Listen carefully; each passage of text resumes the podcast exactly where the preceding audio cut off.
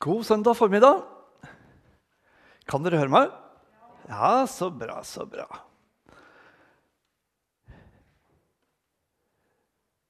Skal vi starte med å be? Kjære Hellige Ånd, vi ber om miskunn og nåde. Vis oss Jesus, så vi kan se Gud og leve det nye livet. Amen.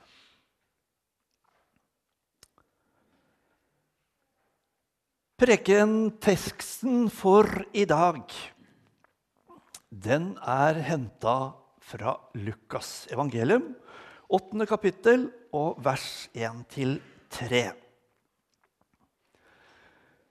Vi leser i Jesu navn. I tiden som fulgte, reiste Jesus omkring og forkynte byene og landsbyene og bar fram det gode budskapet om Guds rike.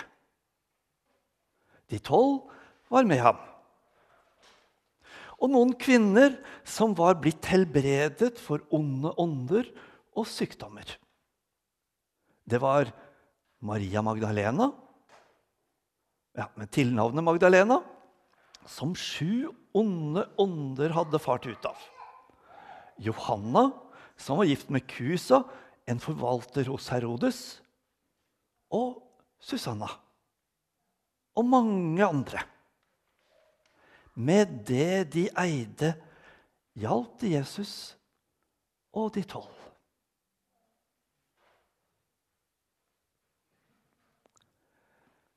Skal vi se etter Jeg tenker, ja, hva er de viktigste liksom, nøkkelorda i denne teksten? Jo, Jesus er sentrum.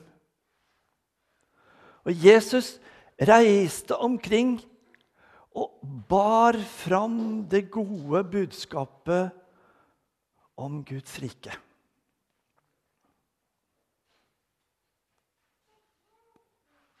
De tolv Og så nevnes tre kvinner og mange andre. Jesus dro altså rundt og forkynte det gode budskapet om Guds rike.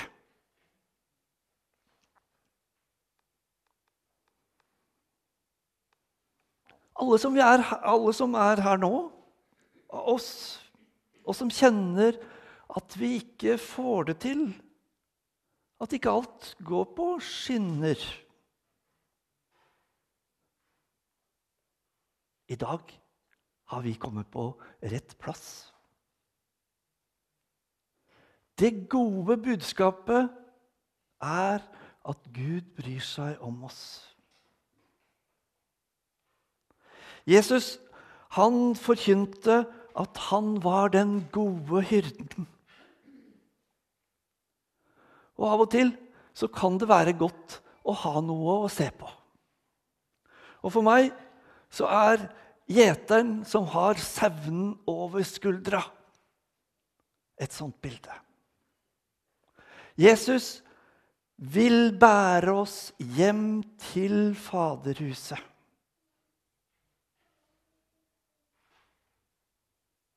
Og dere barna, kan dere tenke dere hvorfor han har noe på skuldra?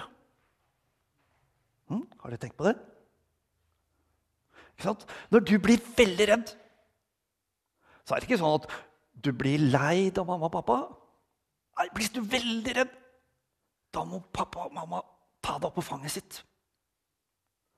Og så vet du hva?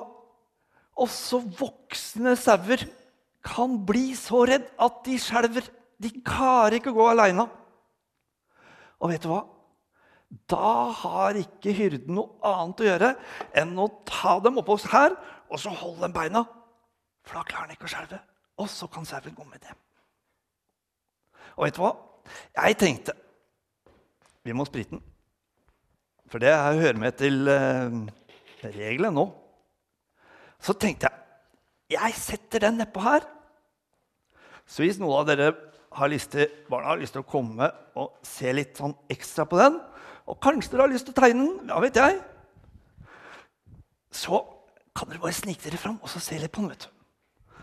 For ikke sant? vi voksne i kirken vi trenger å se at dere fins. At dere er her. Så Derfor så er det helt greit at dere går bort og ser på det. Det er sikkert mange her som kjenner at troen bærer. Du er trygg og glad hos din far. Men akkurat nå vil jeg si til deg, spesielt til deg, du som ikke er akkurat der. Du som lurer, kjenner på nederlag. Livet går ikke akkurat som du håpet, drømt om eller planlagt. Jesus dro fra by og bygd for å lete. Slik leter han etter oss også. Det gode budskapet er at vi kan leve i livsramme der Jesus er vår frelser. Han vil bære, ikke fordi at vi fortjener niks og not, men fordi han er nådig. Han har gjort opp for våre liv, slik det nå faktisk har blitt. Vet du hva? Den står på første krakken der.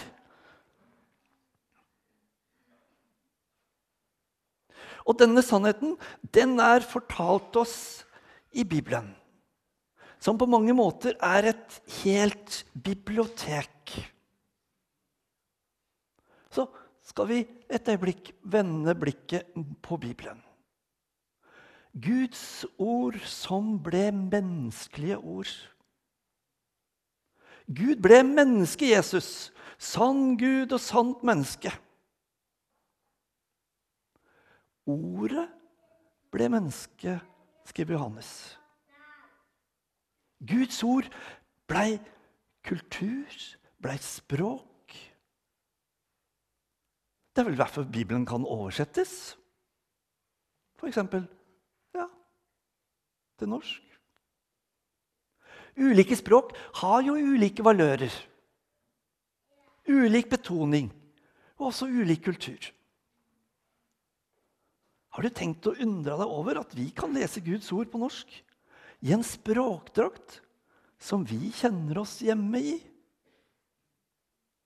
Vi tror at Den hellige ånd var med og er med oversetterne.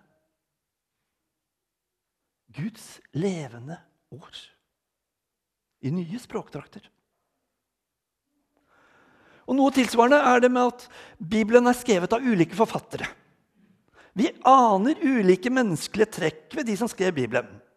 Matteus med sine sterke betoning av 'det skjedde for at det skulle bli oppfylt som det, i det, som det står i Det gamle testamentet. Markus med sin veldig opptatt av detaljer. Jesus lå bak og sov i båten på ei pute. Johannes, som fokuserer på det siste året Jesus vandrer her på jorda. Og i dag Lukas, en lege, en høyt utdanna person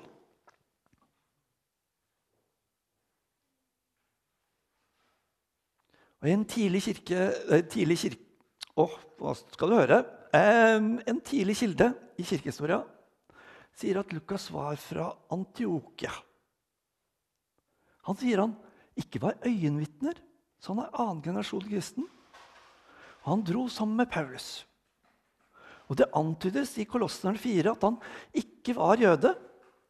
Det vil i så fall si at Lukas var den eneste ikke-jøden som har skrevet noe i Nytestamentet. Og Han sier i kapittel 1-3 han vil gå nøye gjennom alt fra begynnelsen av og skrive det ned. Hvordan gjør man det? Jo, jeg tenker han gjorde det som en journalist. Han måtte snakke med de som var øyenvitner. Et særtrekk ved Lukas er at han trekker fram kvinnene. Mens Markus og Matteus har kvinner helt i periferien, helt fram til påsken i Jerusalem. Har Lukas omtaler Luthers kvinner og menn helt parallelt. Er ikke det litt underlig? Odd Sverre Hove han skriver at Lukas er nærmest overalt opptatt av å betone kvinnenes rolle ved mennenes side. Det var en mannskultur på Jesu tid, og kvinnene ble regna som datter av sin far, som kone av sin mann, og aller mest mor til sine sønner. Etter jødisk lov så kunne hun ikke være rettsvitne. Så det at Lukas her trekker fram kvinnene som selvstendige utenfor sitt hjem, framstår som radikalt. Også Johannes-evangeliet har noen sterke kvinnefortellinger, som den samaritanske kvinnen og Maria ved Jesu føtter. I møte med Jesus blir kvinnene selvstendige vitner og preker om Jesus. Ja, de var disipler. Og rundt korsfestelsen og oppstandelsen, da alle mennene hadde feiga ut og dratt seg tilbake, sto kvinnene fram og ble de første vitnene til oppstandelsen. Var det slik at kvinnene hadde en sentral plass i urmenigheten? Når Paulus i romerbrevet skal hilse og har en rekke med 29 navn, så er iallfall ni av dem kvinner. Vi kan undre oss. Og kanskje er det sånn at Lukas skriver sånn som han gjør, for å fortelle inn i urmenigheten at ja, men dette er da ikke noe nytt. Jesus hadde aktive kvinner sentralt i sitt reisefølge. Noen av dem var tydeligvis velstående. Og alle tjente de med det de hadde.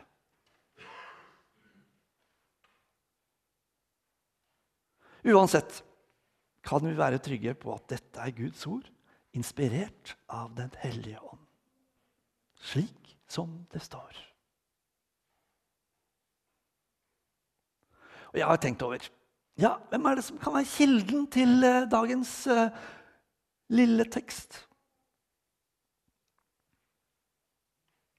Og da har jeg tenkt på to premisser.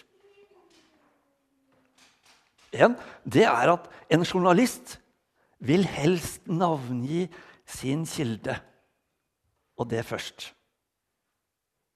Dersom du skriver om deg sjøl, så vil du stille deg sjøl bakerst. Men en journalist vil jo ikke gjøre det. Han vil ha primærkilden først. Og Ut fra dette tenker jeg at den gode Lukas har snakka med Maria Magdalena.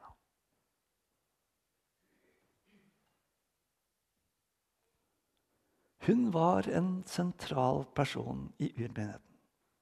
Hun hadde møtt den oppstandende Jesus. Og avstandelsen var en helt, helt sentralt i troen. Så Kanskje kunne starten av intervjuet vært noe sånt som at Å, Maria, så flott at vi kunne møtes, og du forteller om alt du opplevde med Jesus. Hvordan var det det startet, og du ble møtt med Herren? Og Kanskje Maria har svart at å, nei, det er, det er ikke det viktigste med meg. Det er Jesus. Han dro fra by til by, fra bygd til by. Og det er klart at etter at jeg ble befridd jeg ble Tenk, sju onde ånder! Var jeg sammen med de andre kvinnene og tjente han der han gikk og så videre og så videre.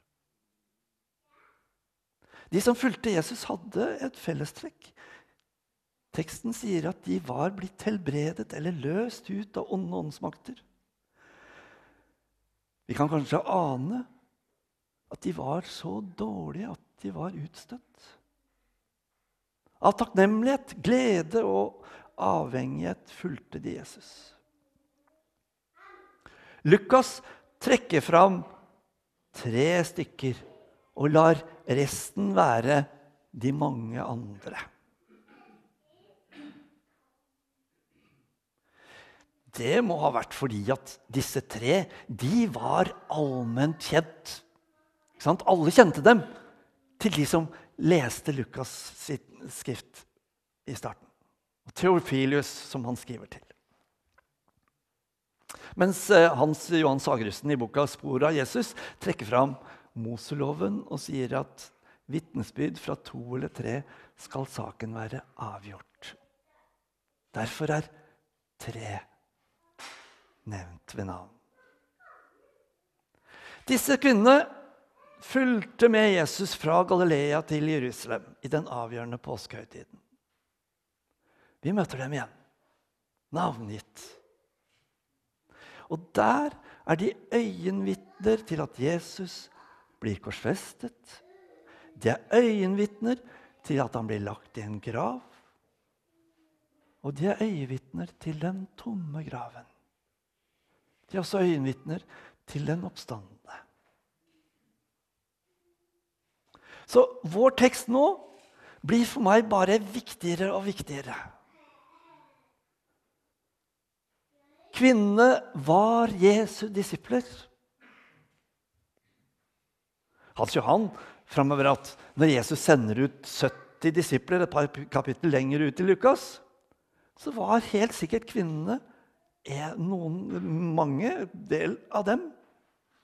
Så han antyder at de mange andre som står i teksten vår, utgjorde antageligvis i hvert fall 30-40 kvinner som fulgte med Jesus.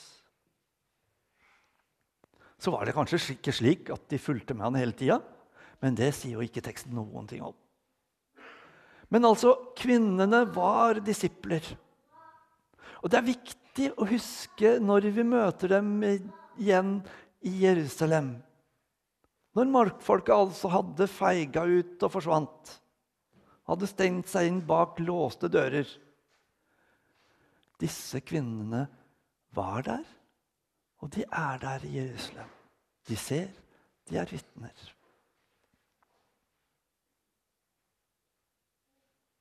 Altså har vi ingen beretning med den første, Maria Magdalena. Annet enn at hun ble befridd av sju ånder. Og Ved siden av Maria Jesu mor er det Maria Magdalena som er den mest sentrale kvinneskikkelsen i Nytestamentet. Hele 13 ganger er hun navnt, og i alle de fire evangeliene. Men som Hans Johan igjen skriver hun er aldri nevnt alene. Alltid som en, av en større gruppe kvinner. Derfor er det ingen grunn til å litt, feste lit til spekulasjonene om, som fantasifulle forfattere dikter om Maria Magdalena. Og så klarer jeg ikke helt å la være å snakke litt om ja, Magdalena. Hva er nå det?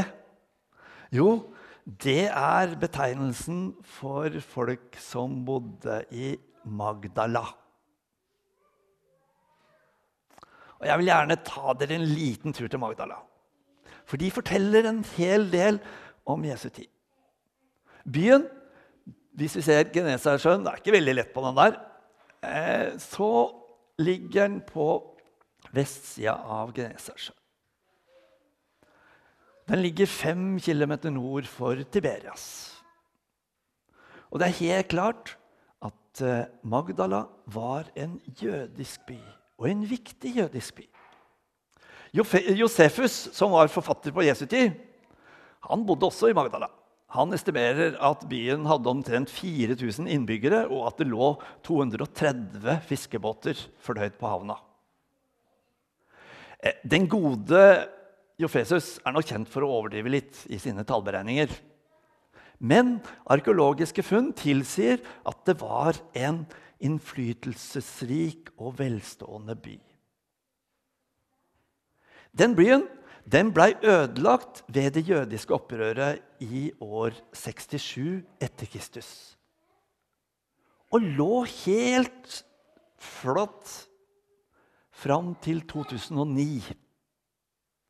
Da ville katolikkene bygge et tridsted på det stedet. Og dermed så kom teskjegraverne, altså ergologene, for å klargjøre tomta. Og de første de fant, ja, det var en synagoge. Og en helt komplett synagogestein. Som nå går under eh, betegnelsen The Magdala Stone. Og dette funnet det betegnes som noe av det viktigste man har funnet fra Jesu tid på de siste 50 åra. Og av sju synagoger så er det bare denne som er komplett. Og Steinen som vi ser i midten, den var rett og slett lesepult. Så der bretta man ut bokrullen, og den som forkynte, sto sentralt i midten. Og så ser vi at det er flere avsatser rundt om, som man satt rundt hele. Og vi ser at den steinen den er rikt utsmykka. Um, så den beviser at det var en veldig tett og nær kobling mellom synagogen i Magdala og tempelet i Jerusalem. Blant annet så ser vi menorraen, den syvarmede lysestaken, helt tydelig. Og hvordan kan man vite at jo, denne var fra Jesu tid? Jo, det ser vi i det bildet under der. Det er en bitte liten mynt fra 29 etter Jesus. Altså, mynter er noe av det viktigste man kan datere. Hvilken perioder er det på? Finner man en mynt fra den perioden, ja, så er det fra den perioden. Synagogen har en veldig sentral plass i byen. Den er rett ved havna. Og den var ganske stor, med flere rom. Og Vi kan ane at synagogen ja, det var samlingsstedet i byen. Det var folkehuset. Og på dette stedet har Jesus garantert forkynt. Og utgravning i Magdala, ja, den fortsetter. Det sies bare at en liten del av byen ennå er utgravd per i dag.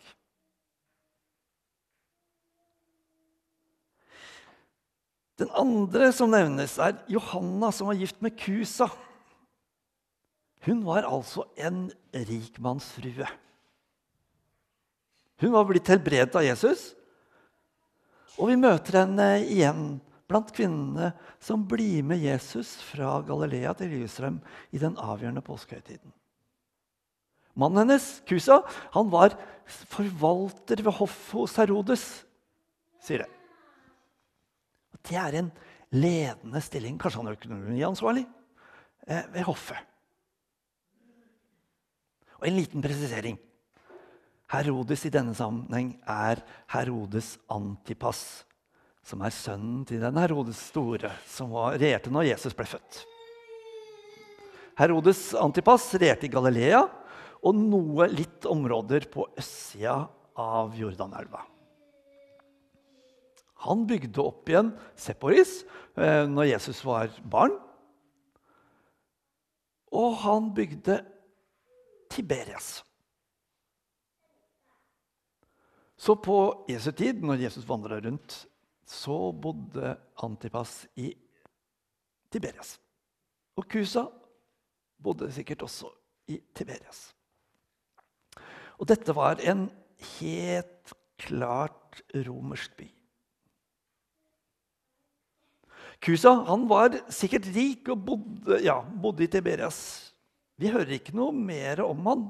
Men eh, Odd Sverre Hove han skriver at eh, han var også en disippel av Jesus, og at han må ha vitna for Herodes. For det står jo litt lenger ute i Lukas evangelium 9,7. Herodes fikk høre om alt det som hendte, men visste ikke hva han skulle tro. Så han hadde tydeligvis vitner veldig tett på seg. Her kan vi også ta med et annet eh, trekk ved Jesus samtid. Galilea var på en måte en smeltedigler av kulturer.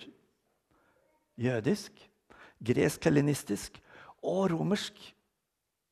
Og de to mellomstore byene som fantes på Jesu tid i Galilea, altså Seporis og Tiberias, de er overhodet ikke nevnt i Bibelen. Ei heller at Jesus besøkte dem. Vi kan bare undre oss over hvorfor. Den tredje som er nevnt, er Susanna, og hun vet vi ingenting om.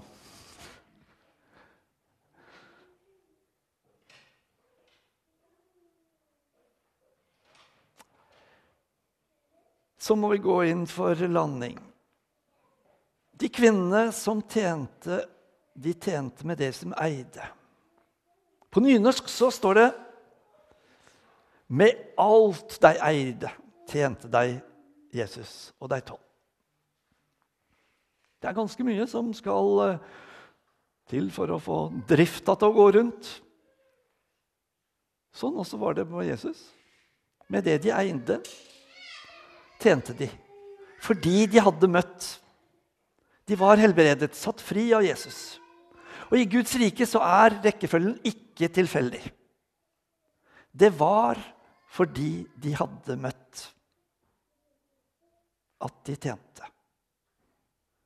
Ikke motsatt. Ikke tjene for å møte. Og Det andre er at disse gjorde et oppbrudd. På Jesu tid så var det ekstreme forskjeller økonomisk status fra de fattige tiggerne og dagarbeiderne til de velstående. Disse kvinnene tjente med det de hadde, mye eller lite. Og Noen av dem var tydeligvis velstående. Andre var antagelig fattige. Men her gjør det ingen forskjell. De tjente med det de eide, de forutsetningene de hadde. Og Vi husker godt Jesus som framheva enken som gav de to skjerv. At hun ga mest fordi hun gav alt hun eide. Et møte med Jesus betyr oppbrudd, og i takknemlighet oppfordres vi også til å tjene med alt vi har. Ett poeng som jeg godt kunne tatt fram, men som jeg oppfordrer til sjølstudium, det er givertjeneste. Som vi hørte leseteksten fra 1. Korint. 1. Korinterbrev kapittel 8 og 9 er et godt sjølstudium i givertjeneste. Ære være Faderen og Sønnen og Den hellige ånd, som var og er og blir en sann Gud fra evighet og til evighet. Amen.